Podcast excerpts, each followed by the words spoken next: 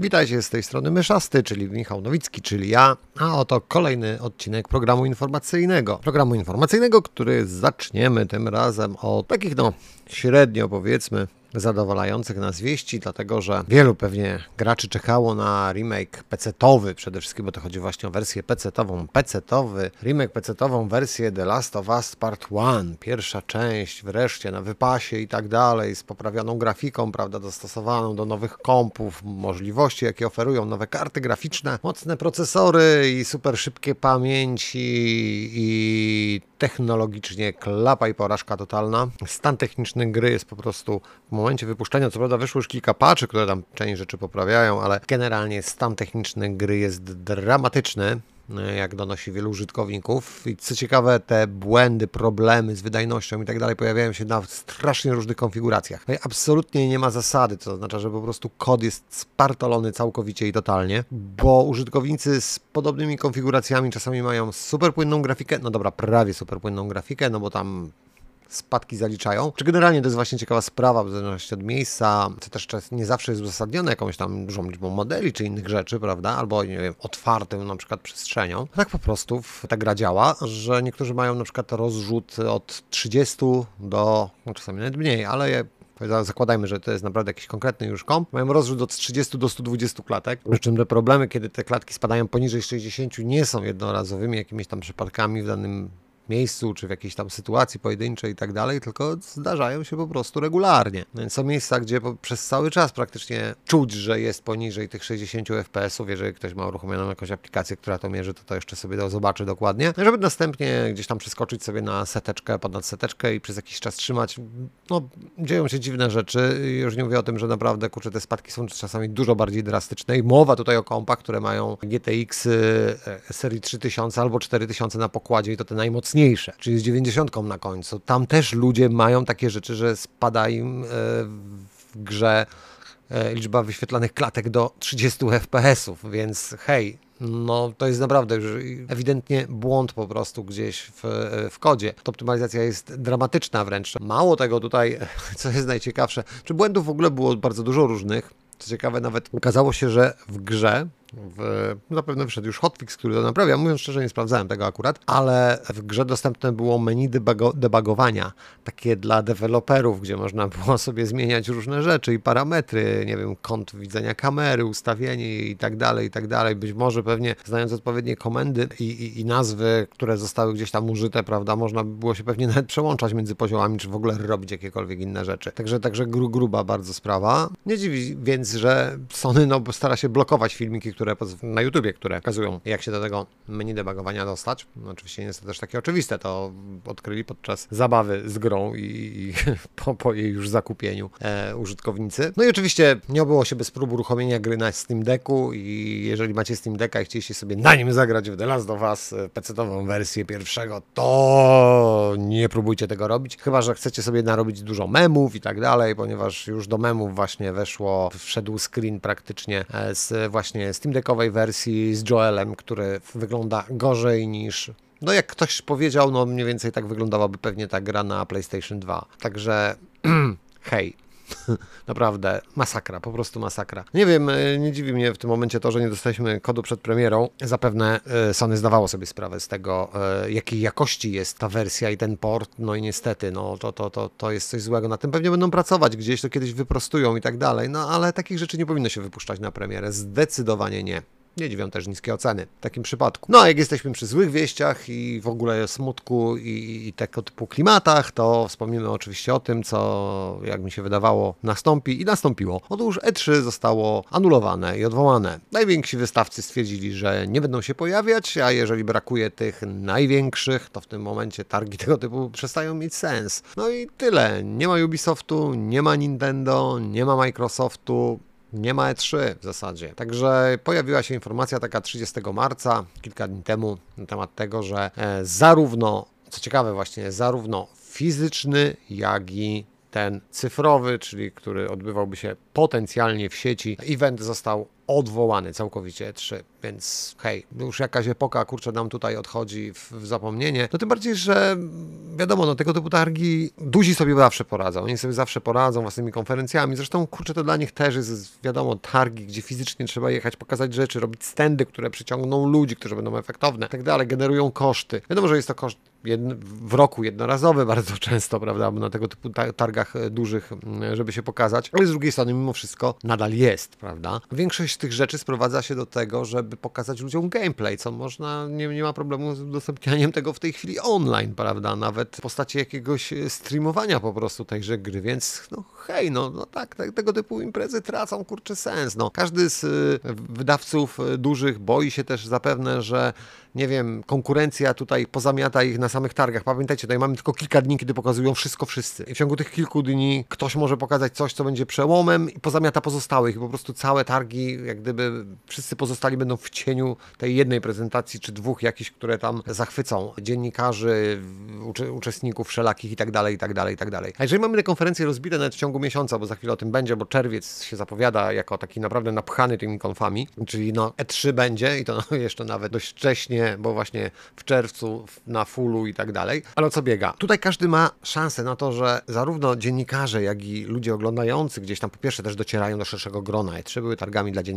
relacje stamtąd i tak dalej, zamknięte pokazy, prawda. E, tutaj te rzeczy będą pokazywane już po prostu wszystkim od razu w necie. Każdy będzie mógł sobie obejrzeć konferencję i zobaczyć, jakie gry będzie chciało pokazać nam, zaprezentować i wydać w najbliższym czasie Sony, Microsoft, Ubisoft czy ktokolwiek inny. To jest raz. Druga sprawa no to jest właśnie to, że one są z kilkudniowymi odstępami przynajmniej. To można sobie zrobić. W tym momencie branża odpoczywa, no już przetrawi to, że na przykład Sony pokazało jakąś super totalną grę niesamowicie wykorzystującą możliwości na przykład pada i tak dalej, i tak dalej, prawda? Po tygodniu to ta fala już opadnie. Ludzie będą chcieli czegoś nowego. W tym momencie wchodzi Microsoft cały na biało i mówi, czy tam na zielono i mówi, haha, patrzcie na to, nie? A potem Nintendo gdzieś z boku, kurczę, dobra, dobra, już się pozachwycaliście tymi tam e, super top wielkimi produkcjami i tak dalej. Patrzcie, my mamy małego Switcha, ale dla niego też takie fajne rzeczy. No i generalnie w tym momencie oni mają większą szansę na to, że zostaną zauważeni po prostu, że pewne rzeczy, które normalnie przeszłyby z echa, zostaną zauważone. A co jeżeli chodzi o małych? No cóż, oni przede wszystkim i tak własnymi kanałami, że tak powiem, wśród fanów, bo nie oszukujmy się, indyki po prostu mają swoich fanów, to nie są często gry, które nawet gdzieś tam pokazane na E3 zrobią jakiś szał. Tutaj akurat no, kwestia jest tego, jak twórcy docierają do różnego rodzaju, prawda, twórców treści też, prawda, portali, tego typu rzeczy. Poza tym mają też swoje konferencje, żeby nie było. Niektóre gry niezależne też są pokazywane, więc nie jest tak wcale źle. No poza tym, tak jak mówię, w większości przypadków gier niezależnych niezależnych, to są to nisze, bardzo często nisze, gdzie ludzie mający mieć wiedzę o tych grach i tak ją mają. Oni ją mają z, nie wiem, YouTube'ów, z portali tematycznych, z forów różnego rodzaju, z grup na Facebooku, więc do nich ta informacja też dociera. Owszem, no dla niektórych gdzieś to E3 mogło być trampoliną, ale weźmy też pod uwagę to, że wielu twórców niezależnych czy mniejszych, mniejszych wydawców na E3 sobie też nie mogło pozwolić nigdy, by sobie nie pozwoliło na to, żeby się tam w ogóle móc wystawić. Troszeczkę inaczej z Gamescomem, który jednak dużo mocniej e, jest taką komercyjną imprezą dla właśnie ludzi, dla fanów, ale mam wrażenie, że tam jest właśnie ta reprezentacja indyczo taka, taka niezależna, dużo większa.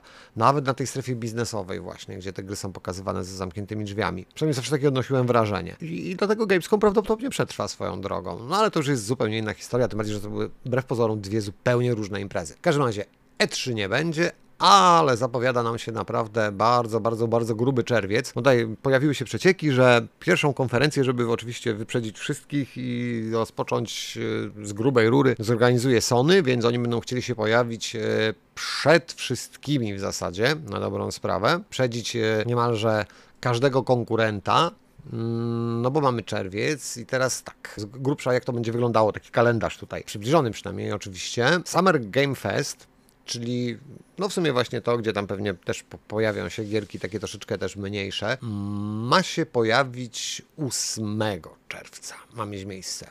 11 e, z kolei czerwca, czyli kilka dni później, będzie Xbox plus Bethesda Showcase yy, zawierający Starfield Direct, czyli blok poświęcony wyłącznie Starfieldowi, na co oczywiście wszyscy bardzo czekają. No bo teoretycznie ta gra niedługo wychodzi, więc e, nie wiemy o niej naprawdę prawie nic jeszcze, tak, poza jakimiś tam dość zdawkowymi wciąż jednak informacjami. Na temat mechanik gameplayu mm, nie wiemy aż tak wiele, jakbyśmy chcieli. 12 z kolei ma być Ubisoft Forward, czyli kolejna duża impreza.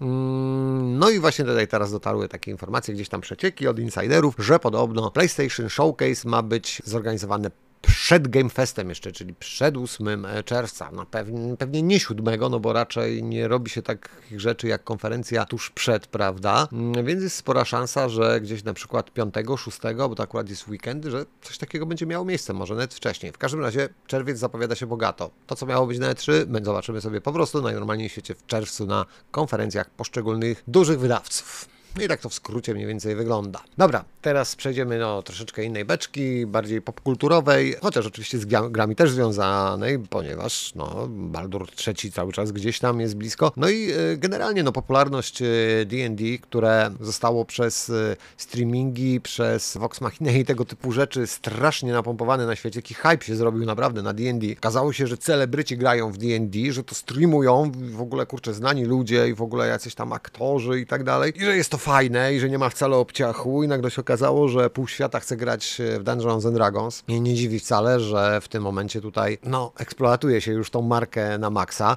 No przy okazji samo D&D. Komareczka zaliczyła też małą taką wizerunkową wtopę i to znaczy małą, no nie małą. Ona była taka, że e, się część ludzi odwróciła, że potracili e, nawet e, mnóstwo subskrypcji na D&D Beyond, które przejęli, bo było ono wcześniej mm, niezależną częściowo platformą, teraz zostało kupione. No i co? No, chcieli po prostu obciąć bardzo mocno e, darmową licencję, na której powstawały produkty, znaczy fanowskie po prostu wydawane, ale wydawane oficjalnie jako posiadające wsparcie oficjalnych zasad, prawda? Co prawda tych podstawowych i tak dalej, ale na tej licencji można było bardzo dużo dodatków, dodatkowych materiałów i tak dalej, kampanii nawet wypuszczać. Były firmy, które, Cobalt Press na przykład i inne, które po prostu jak gdyby oparły na większość swojej działalności, jak gdyby na tym, prawda? No i się okazało, że oni chcą po prostu nagle to przyciąć. Znaczy, tak sprytnie ograniczyć tę licencję w ten sposób, żeby tam w razie czego mogli sobie z źródełek, które przynoszą dużo pieniędzy, czerpać też dodatkowe dochody. Z tym, że uprawnienia mieli takie, że mogli chyba nawet przejąć całkowicie jak gdyby prawa do, że tak powiem, tych materiałów, rozporządzać nimi. E, Strasznie to było takie dość drastyczne i oczywiście wzburzyło całą społeczność. Ja sam prowadzę D&D od jakiegoś czasu. Wróciliśmy do starych klimatów z ekipą, e, żeby nie było. Tak, jestem mistrzem gry z siedmioosobową drużyną, co jest w ogóle masakrą, ale na szczęście nie zawsze każdy się pojawia, więc jakoś nad tym się da panować. Dobra, ale mniejsza z tym. W każdym razie tak, D&D stało się z, e, że tak powiem, piwnicznej zabawy dla e, nerdów e, ogólnoświatowym trendem. Nawet na swój sposób. Marka oczywiście zaczęła na tym zarabiać. No i oczywiście nie dziwne, że pojawiły się też inne rzeczy, takie jak na przykład film, czyli Dungeons and Dragons Złodziejski Honor, który, uwaga, podobno jest naprawdę fajny. Ja jeszcze nie byłem na tym filmie, będę go oglądał niedługo. Myślę, że tak tuż y, po tym, jak ten odcinek programu informacyjnego się pojawi, to będę w kinie na właśnie Złodziejskim Honorze i spróbuję może jakąś recenzję nawet na gramie napisać. Bo film jest podobno świetny.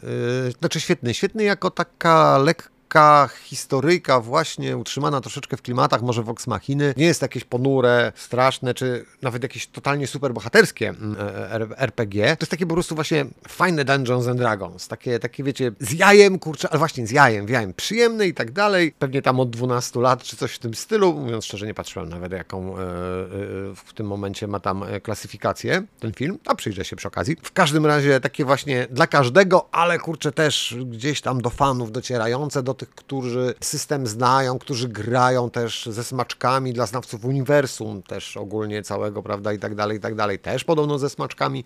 No poza tym nieźle zagrane, poza tym z fajnymi postaciami, poza tym, kurczę, z niezłą akcją. Generalnie po tych różnych wcześniejszych próbach, bo było kilka filmów aktorskich Dungeons and Dragons w tytule i nie były to dobre rzeczy, uwierzcie, nie były to dobre rzeczy, to zapowiada się takie coś naprawdę, kurczę, no niezłego, no po prostu wiadomo, film rozrywkowy, ale niezły. Ciekaw jestem, ciekaw jestem, ja mam nadzieję, że jakaś tam siódemeczka przynajmniej z tego kurczę będzie, a jako właśnie mistrz gry, który trochę ten świat zna i od lat grał chyba we wszystkie możliwe prawie gry, no dobra, może nie we wszystkie, bo gier, gier w ogóle komputerowych powiązanych ze światami Dungeons and Dragons, bo nie tylko z znanym nam doskonale Forgotten Realmsem, Ferunem i tak dalej, ale też ze Spelljammerami i innymi e, Dragonlansami było bardzo mnóstwo. Ja nie wiem nawet jaka jest liczba gier komputerowych e, czy konsolowych, które powstały w oparciu o, o marki powiązane z e, Dungeons and Dragons, ale podejrzewam, że setka to już na pewno im spokojnie bekła, jeżeli chodzi o takie w miarę duże produkcje. Także wbrew pozorom to i kiedyś, właśnie kiedyś, w latach 80., w 90., bardzo dużo gier powstawało opartych na, tej, na tych licencjach. No dobra, a jakby wam było mało, to uwaga, podobno Minecraft dostanie starczającą na 10 lub kilkanaście godzin kampanię Dungeons and Dragons. Także okej, okay, Mojang i Wizard of the Coast się dogadały i będzie Dungeons and Dragons w Minecrafcie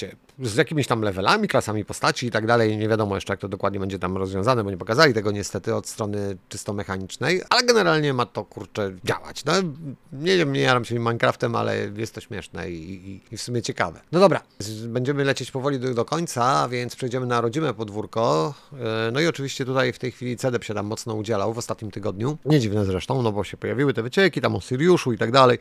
Właśnie, bo to żeby nie było. Od tego, od Siriusa w takim razie może zaczniemy. Syriusza, będę mówił tak po polsku, będzie to bardziej naturalne. Otóż tak, pojawiły się plotki, jakieś grafiki, wycieki i tak dalej, które nie zostały za bardzo skomentowane, o tym, że Syriusz ma być podobno, miał być umiejscowiony w samurajskim, wiedźmińskim świecie, czyli w jakimś takim japońskim e, odpowiedniku oczywiście. Gdzieś tam jakieś wschodnie krainy istnieją przecież, w uniwersum również tamtym zapewne. No i taka stylizacja miała tutaj właśnie być, podobno, gdzieś jakieś graficzki się nawet pojawiły, były tego typu rzeczy, właśnie z jakiejś prezentacji wewnętrznej. No my wiemy, tak czy inaczej, y, no byłoby to ciekawe, nie da się ukryć. My wiemy natomiast, że ten projekt został zresetowany bardzo mocno.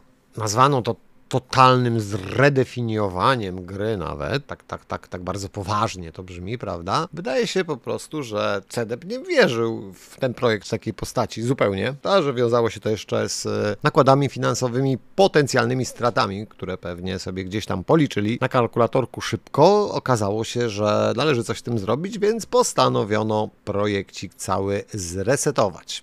No nic, czekamy, zobaczymy, Jakieś nowe informacje pewnie niedługo się pojawią, a swoją drogą tutaj też pojawiły się informacje pierwsze na temat e, dodatku, znaczy pierwsze, no nie pierwsze, tylko takie już konkretne na temat e, Widma Wolności, czyli dodatku do cyberpunka fabularnego. E, no i tutaj twórcy się e, zapierają, że im zależy strasznie na tym, żeby był dopracowany ten dodatek, żeby nie było już żadnej lipy w topy, jak przy premierze oczywiście samego cyberpunka, gdzie w wielu przypadkach ta gra no niestety nie działała tak, jak ludzie chcieli. E, tutaj bardzo ważna informacja mm, gra nie pokaże, nie, znaczy dodatek nie będzie dostępny na konsolach poprzedniej generacji już w ogóle. Pojawił się on tylko na PS5, Xboxach Series tych nowych i na PC-tach. Także posiadacze starszych Xboxów czy PS4 niestety w dodateczek sobie już nie zagrają. Dokładnej daty oczywiście też jeszcze premiery rozszerzenia nie mamy, ale, ale tak jak mówię, tutaj twierdzą twórcy, że y, już prace zbliżają się do końca i, i że będzie tutaj y, dużo dobra i będzie ono dostarczone w odpowiedniej jakości. Tutaj Adam Kiciński wypowiedział się na ten temat, tutaj pozwólcie, że zacytuję kilka jego wypowiedzi. Prace są na końcówce, dodatek jest duży i złożony. Bardzo zależy nam na tym, żeby był dopracowany. Nie myślimy o innej dacie niż ten rok. Przy okazji Kiciński powiedział też o kolejnym, e, prawda, projekcie, który nazywa się Polaris, który z kolei jest dużym projektem RPGowym, prawda, i tak dalej, takim dużą grą wiedźmińską, że tak powiem. I co? Polaris ma powstać na mm, Unreal Engine 5. Generalnie tutaj właśnie już 200 osób podobno pracuje nad tym projektem i CDEP dorekrutowuje kolejnych pracowników, przy czym pewnie tutaj właśnie pojawiają się informacje na temat tego, że, że autorski silnik um, zostanie prawdopodobnie porzucony przy tym projekcie. No i tutaj znów zacytuję Kicińskiego. Obecnie przygotowujemy się pod kątem narzędzi i procesów, które niektórzy deweloperzy wciąż poznają nową technologię. Niektóre z naszych zespołów współpracują bezpośrednio z Epic Games nad aspektami wspomagającymi tworzenie gier RPG z otwartym światem i rozbudowaną fabułą. Mając na myśli projekt Polaris, praca na Unreal Engine 5 nie spowolni, ale też nie przyspieszy tego procesu. W przypadku kolejnych projektów oczekujemy, że prace będą postępowały szybciej. To jedna z przyczyn, dla których w aktualizacji strategii ogłosiliśmy, że planujemy wydać trzy duże gry wiedźmińskie w ciągu sześciu lat, licząc od premiery Polarisa, mówi Kiciński. Czyli yy, twórcy zakładają tutaj, znaczy CDEP zakłada, że po tym jak projekt Polaris y, już ujrzy światło dzienne, a jest, będzie to pierwsza ich gra na właśnie y, Unreal Engine 5, to ekipa będzie już na tyle doświadczona, że kolejne projekty, przynajmniej pod względem czysto technologicznym, będą powstawały dużo szybciej. Także tutaj wiadomo. Zakłada to oczywiście w tym momencie, że podobne zespoły będą pracowały nad kolejnymi jak gdyby, jak gdyby grami. No i jak tutaj też usłyszeliśmy, tych projektów, dużych gier, które mają być z uniwersum Wiedźmińskiego, ma powstać również jeszcze kilka przynajmniej, to w ciągu najbliższych 6 lat, czyli średnio co dwa lata gra. To by było coś. To by było coś, gdyby faktycznie udało się dowieść coś takiego, że CD będzie dostarczał dużą grę z otwartym światem, tak jak tutaj napisali, RPG w Wiedźmińskim świecie co dwa lata, no to podejrzewam, że w tym momencie to naprawdę może być coś. Ja myślę, że właśnie między innymi dlatego tutaj przeszli na Unreala, dlatego że autorski silnik jest fajny i on był fajny, on naprawdę generował świetną grafikę, taką bardzo malarską. Strasznie mi się to podobało. Mieli sporo fajnych narzędzi, ale jednak, e, że tak powiem, sami musieli wdłubać w tym od podstaw. Jeżeli gdzieś tam powiedzmy były, nie wiem, jakieś problemy personalne i tak dalej w dziale, który się zajmował chociażby samym silnikiem. Wyobrażam sobie, jaki chaos to musiało wprowadzać w pracach. Tutaj mają licencjonowany silnik, do którego mają wsparcie techniczne od twórców, czyli od Epika. Zawsze jakieś porady. Jeżeli odpowiednio zapłacą, to pewnie dostaną nawet ludzi, którzy pomogą im to ogarniać w tym momencie w jakiś sposób, czy pisać chociażby powiedzmy właśnie jakieś e, bardziej autorskie wersje tego silnika wspomagające pewne funkcje, których normalnie on nie posiada. Więc e, no hej, dla nich jest to duże ułatwienie i faktycznie w tym momencie jest szansa na to, że gdzieś tam kiedyś w tej przyszłości najbliższej, co dwa lata jaką, jakiegoś RPGa dużego, nawet w uniwersum wiedźmińskim, dowiozą. No to weźmy teraz jeszcze pod uwagę to, że będą być może w ten sam sposób powstawały gry w uniwersum cyberpunkowym. Eee, jeżeli one będą zakładkę wychodziły, żebyśmy co roku mieli dużego RPGa od oj, oj, oj, oj, dobra, nie, koniec marzeń. Ale właśnie tym może optymistycznym akcentem, bo wiosna już jest e, przecież e, się, się nam zaczęła, chociaż taka trochę zimowa na razie, ale mimo wszystko zakończymy, wierzymy w CD, kurczę, dlatego, że robią dobre gry, robią fajne gry, trzeba im to przyznać. Ja lubię ich gry, nie będę tego ukrywał i chcę więcej. I mam nadzieję, że tak faktycznie będzie, że zaczną one się ukazywać z dużo większą częstotliwością i nie będzie z nimi problemów technicznych, na przykład takich jak z Cyberpunkiem. I te gry będą działać e, dobrze, bez bugów i tak dalej, i tak dalej. Przede wszystkim będą dostarczać zarąbistą fabułę, z której e, CD znamy. A póki co, trzymcie się, na razie.